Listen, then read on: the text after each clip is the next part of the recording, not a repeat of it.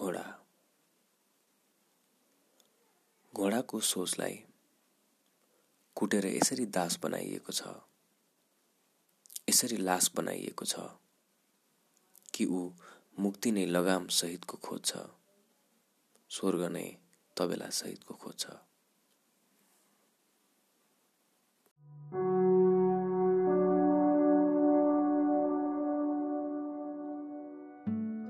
कति बाँधिनु पुराना सोच पुराना विचारहरूमा कति ठोकिनु पूर्व निर्धारित मान्यताका खुड्किलाहरूमा। कति बन्नु डेट एक्सपायर्ड विचारहरूको ग्राहक। कति बन्नु सानो साँगुरो कुवाको भ्यागुता आफ्ना विचारहरूलाई गरेर सम्बन्ध विच्छेद नयाँ दृष्टिकोणबाट संसारलाई हेरौँ दिस इज यर अनम्यारिड हो सुदर्शन पौडेल आउनुहोस् अनम्यारिड आइडिया स्टार्ट गरौँ।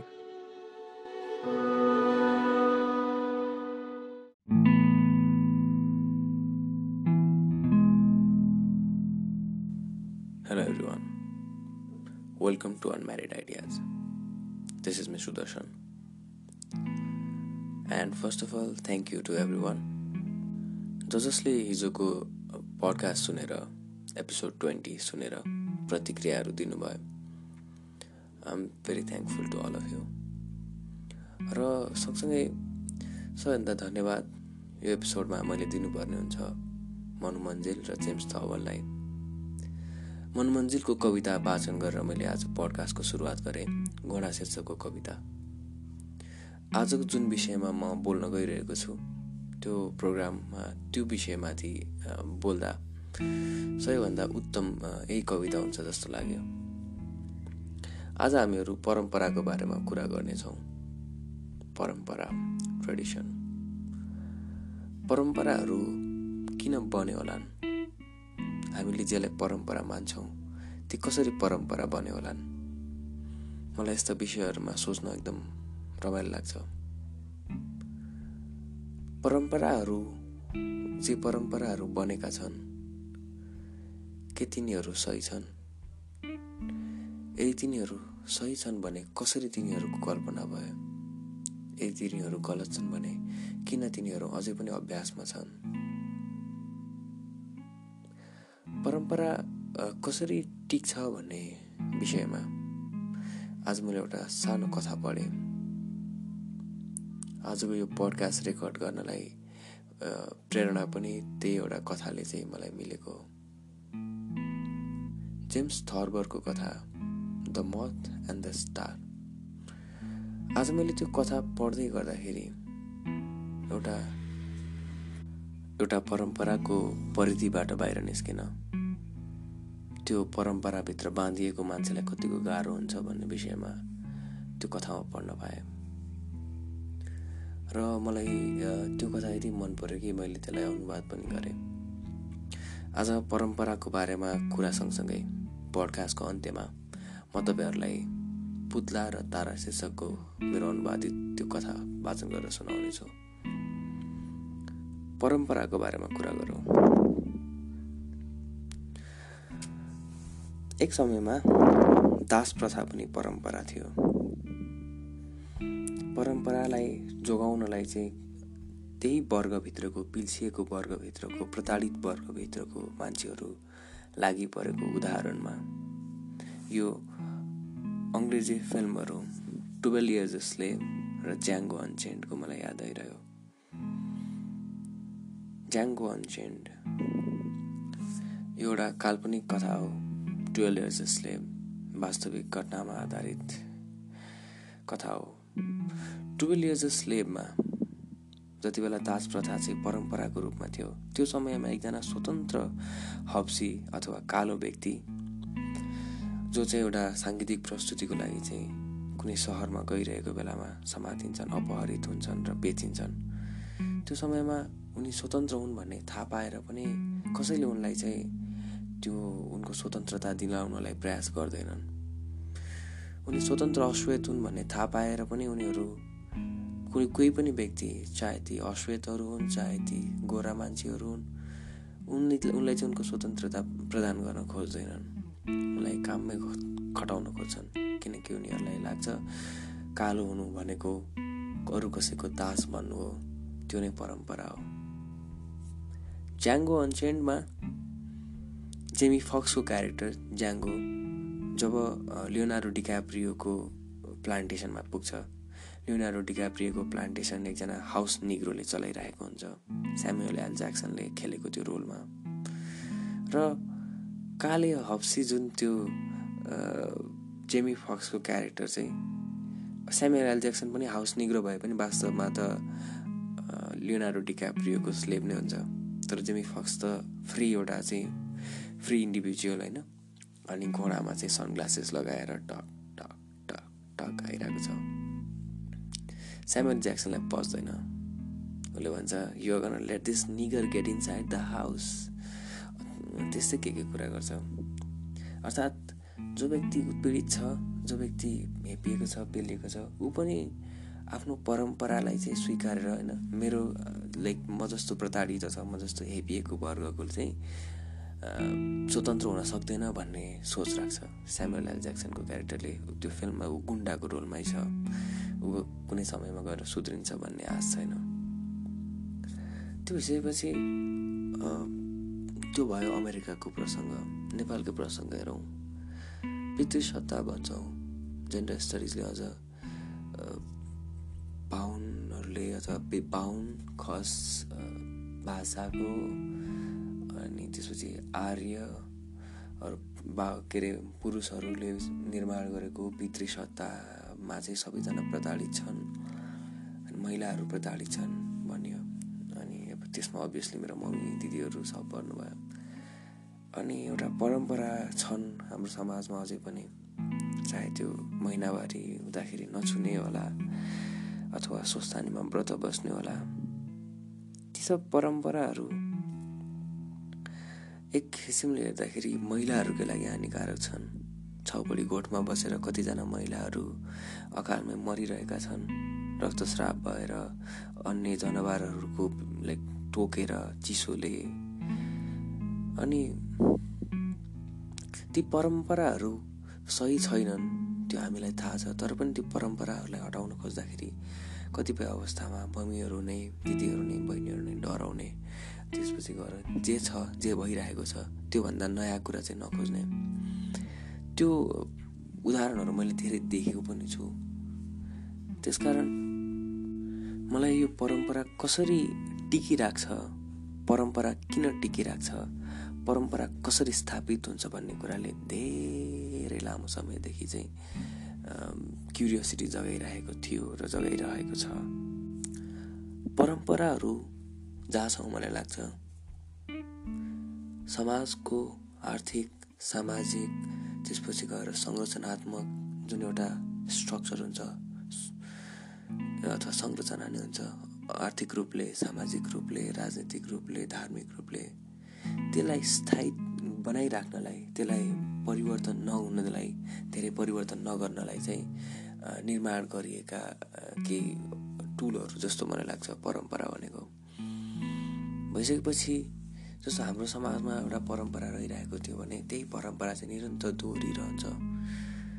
दमाईहरूले लुगा सिलाउने कामीहरूले फलामको काम गर्ने त्यसपछि गएर सार्कीहरूले छालाको काम गर्ने बाहुनहरूले पढ्ने त्यो पनि परम्परा हो। नेवारहरूले व्यापार गर्ने त्यो पनि परम्परा हो। त्यो परम्परालाई यदि सबैले मान्दै जाने हो भने समाजमा जुन एउटा विभेद छ समाजमा जुन एउटा प्रक्रिया छ त्यो जस्ताको त्यस्तै रहिरहन्छ। त्यो कहिले परिवर्तन हुने हामी अपेक्षा गर्न सक्दैनौँ। एकजना साथी थिए साथी होइन एकजना दाई हुनुहुन्थ्यो र कुनै कार्यक्रममा त्यो दाईसँगै म गएको थिएँ।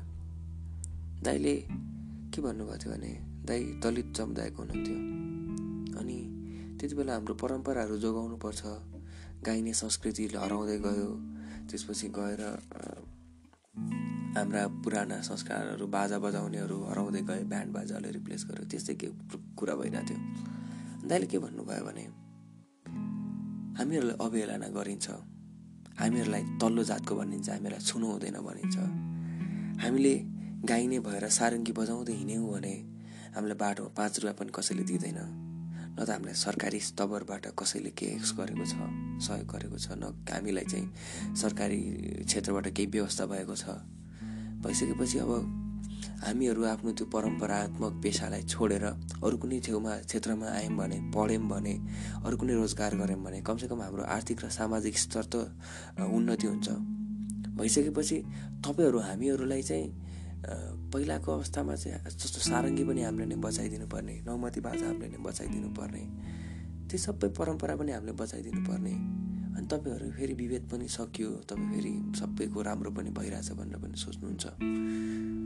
तपाईँहरूले हाम्रो परम्परालाई जोगाउनु भनेको त हामीहरूको सामाजिक र आर्थिक स्थितिलाई पनि तपाईँहरूले चाहिँ जस्ताको त्यस्तै राख्न खोज्नु भएको भन्ने सेन्समा कुरा गर्नुभएको थियो क्या होइन? अर्थात् लादिन खोजिएको छ हामीलाई परम्परा चाहिँ यो तिमीहरूको भारी हो यो सारङ्गी भनेको तिमीहरूको हो यो नौमती बाजा यो पञ्चे बाजा भनेको तिमीहरूले बजाउने हो। तिमीहरूले नै बजाइराख्नुपर्छ। तिमीहरू अरू केही गर्न पाउँदैन भने जस्तो। यसलाई चाहिँ तपाईँ यही मात्र प्रसङ्गमा जोडेर नहेर्नु अरू कुराहरूमा पनि हेर्नु होइन?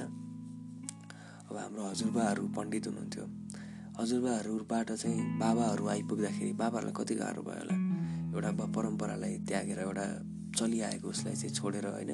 बाहिर गएर पैसा कमाउने त्यसपछि गएर चाहिँ अब खेती किसान नै गर्ने होला अरे तर कमसेकम बुवाहरूको अथवा चाहिँ आफ्नो परम्परालाई चाहिँ नपछ्याउन कति गाह्रो भयो होला त्यस्तै गाह्रो हुन्छ। र कतिपय अवस्थामा परम्पराहरू लादिन पनि खोजिन्छ। लादिन खोजिएको परम्परालाई चाहिँ स्वीकार गर्नु हुँदैन भन्छु म। परम्परालाई लाद्न खोज्यो भने तेरो परम्परा यही हो तैँले मान्नै पर्छ भनेर भन्न थाल्यो भने जस्ट सो यो middle finger fuck you don't have to do that मन छैन भने नमान्ने नि होइन। वाट द फक किन मान्नु पर्यो? तर मनमन्जीले अघि भनेको कवितामा जस्तै परिवर्तन ल्याउन त्यति सजिलो छैन। यो परम्परा भनेको चाहिँ मान्छेले बनाएको हो र यो वास्तविक सत्य होइन भनेर बुझाउन त्यति सजिलो छैन। वर्षौँदेखि तपाईँहरू मान्दै आइराख्नु भएको छ भने तपाईँलाई त्यो नै सत्य लाग्छ। तपाईँलाई सूर्यलाई सूर्य भनेर बोलाउने पनि त परम्परा हो। त्यो आकाश भएको त्यो डल्लोको वास्तविक नाम सूर्य त होइन। तर सबैले जिन्दगीभरि सूर्य भनेर बोलाउनु भएको छ। कुनै दिन कुनै ठुलो एउटा कोइन्सिडेन्स होस् ठुलो एउटा ठुलो एउटा घटना घटोस् र हामीहरूलाई सूर्यको वास्तविक नाम चाहिँ एउटा वास्तविक नाम भनेर युनिभर्सल केही बनोस्। तपाईँले त्यसलाई सूर्य भनेर त्यो होइन अरू नै के हो भनेर त्यो नयाँ नाम पत्याउनै सक्नु हुँदैन अथवा पत्याउनु भयो भने पनि तपाईँले सूर्यलाई नै सूर्यलाई चाहिँ तपाईँले त्याग्नु हुँदैन। अर्को नामलाई पनि उस गर्नुहुन्छ तर यसलाई छोड्न सक्नु हुँदैन किनकि परम्परालाई छोड्न एकदम गाह्रो छ।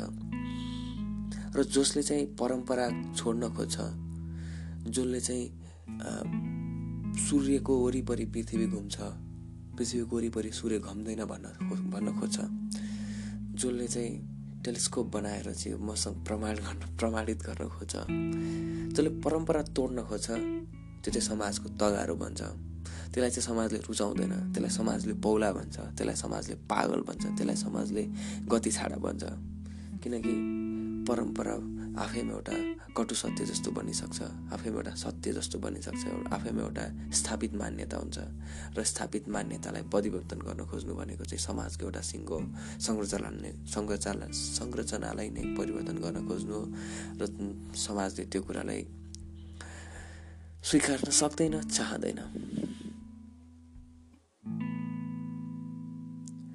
त्यसकारण दुःखमै दुःखमा पिल्सिएकाहरू पनि परिवर्तन चाहँदैनन् जस्तो मलाई एउटा यो इन्ट्रेस्टिङ कुरा सुनेको थिएँ कि जस्तो स्टिभन क्राउडर भन्ने जो कन्जर्भेटिभ एउटा ब्रोडकास्ट होस्ट हो अमेरिकाको म चाहिँ अब उसको पनि भिडियोहरू कहिले कहिले हेरिरहेको हुन्छ अनि उसले वुमेन्स लिबरेसनको कुरा गरेँ क्या।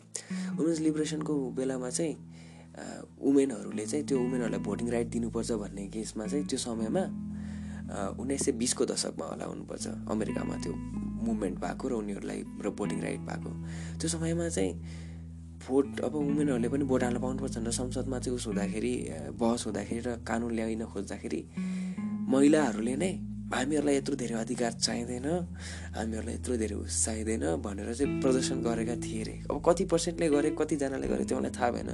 तर थोरैजनाले पाँच छजना अथवा पाँच हजार अथवा चाहिँ पाँच लाखजनाले गऱ्यो भने पनि यसले चाहिँ यो मनु मन्जिलकै त्यही कविता जस्तो उनीहरूको सोचलाई यति थिचिएको छ यति दबाइएको छ यति कुटिएको छ कि उनीहरू स्वतन्त्रतालाई पनि उनीहरू खतरा देख्छन् होइन? परम्परा तोड्न गाह्रो छ गाह्रो छ। सो फक्स अब म तपाईँहरूलाई आज मैले अनुवाद गरेको भावानुवाद गरेको कथा पुत्ला र तारा सुनाउँछु। जेम्स थर्बरको कथा हो यो। पुत्ला र तारा। एउटा जवान र साधारण पुत्लाले एकपटक एउटा तारामा मन बसाल्यो। उसले आमालाई यो कुरा सुनायो। आमाले उसलाई कुनै बत्तीमा ध्यान मोड्न सुझाइन्। ताराहरू ताकेर काम छैन? उनले भनिन् बत्तीमा पो ध्यान दिनुपर्छ। जिन्दगीमा कहीँ पुग्नु छ भने बत्तीमा ध्यान दे उसको बाबाले भने। तारा पछ्याएर त कहीँ पुग्दैनस्। तर पुत्ला दुवैको वचन मान्नेवाला थिएन।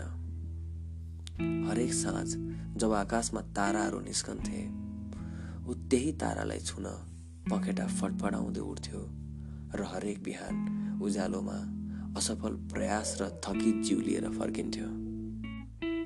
एक दिन उसको बाबाले भने हेर केटा महिनौ भइसक्यो तेरो पखेटा नजलेको। जल्ने सुरसार पनि छैन। तेरा सबै दाइभाइले बाटाका बत्तीमा पखेटा जलाइसके। बहिनीहरूले पनि घरका बत्तीमा जिउ पोलिसके। के कुरिरहेको छस्? जा गएर झोसी।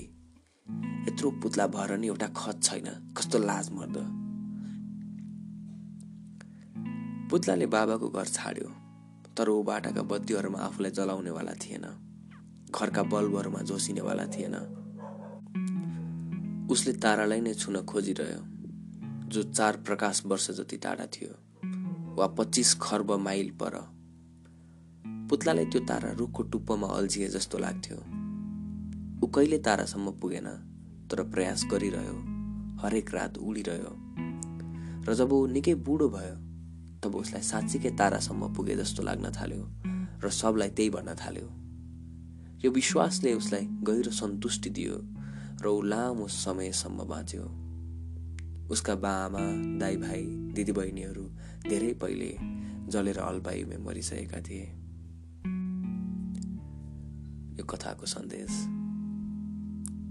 जो आफ्ना दुःखहरूको गोलार्धबाट टाढा उड्नेछ ऊ आज जस्तै भोलि पनि यहाँ हुनेछ।